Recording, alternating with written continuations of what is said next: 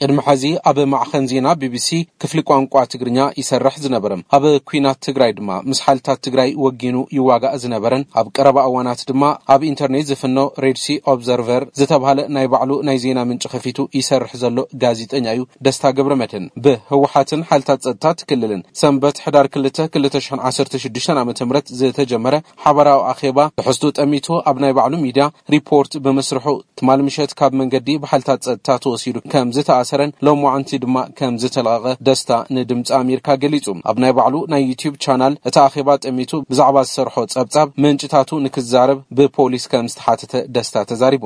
ብዙሕ ፅዒሮም ምንጪ ሓበሬታ ከውፅኦ እየ ዝብል ኣነ ከዓ በቲ ሕጊ መሰረት ንዕኡ ዲስክሎዝ ኣይገብርን ኢለዮም ናብ ገዛ ከይዶም ኣብ ገዛ ከዓ ላፕቶፕ ፓስፖርት ኤክስፓየር ዝገበረ ናይ ቅድሚ ሕዚ ኣብ ካሊእ ዓዲ ዝነብረሉ ዝነበርኩ ናይ መንበሪ ፍቓድ፣ ጋዜጠኝነት ማስታወሻ ዝሕዘሉ ዝነበርኩ ደፍተረይ ገለ ወሲዶምዎ። ይብርብርዎ ኣለዉ ማለት እዩ። እዚ ከዓ ናተይ ፍቓድ ኣይተሓተተን፣ ናይ ቤት ፍርዲ ዘርኣዩኒ ወረቐት እውን የለን።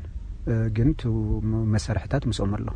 ብሓፈሽኡ ሚድያ ናይ ምዕፋን ተንደንሲ እዩ። እቲ ናዝኣ ጋዜጠኝነት ከይህሊ ናይ ምድላይ ሕዱር ሕማሞም እዩ። ሓይልታት ፀጥታ እቲ ክልልን ህወሓትን ኣብ ኣኼብኦም እናዘተይሉ ብዛዕባ ዝርከብ ሰነድ ትሕዝትኡ እንታይ ከም ዝመስል ዝጠቅስ ፀብፃብ ብቕድሚ ትማሊ ከም ዝፀብፀበ ዝሓበረ ደስታ፣ እቲ ፀብፃብ ድሕሪ ምስርሑ ድሕሪ ሓደ መዓልቲ ድማ ከም ዝተኣሰረ ገሊፁ እዩ። እዚ ናይ ጋዜጠኝነት ስርሑ ድማ ኣጠናኺረ ክቕፅል እየ ኢሉ ደስታ። ኣብቲ ጉዳይ ካብ ኮሚሽን ፖሊስ ክልል ትግራይ ምላሽ ንምርካብ ዝገበርናዮ ፃዕሪ ኣይሰመረን። ንድምፂ ኣሜሪካ ሙልጌታ ኣፅበሃ መቐለ።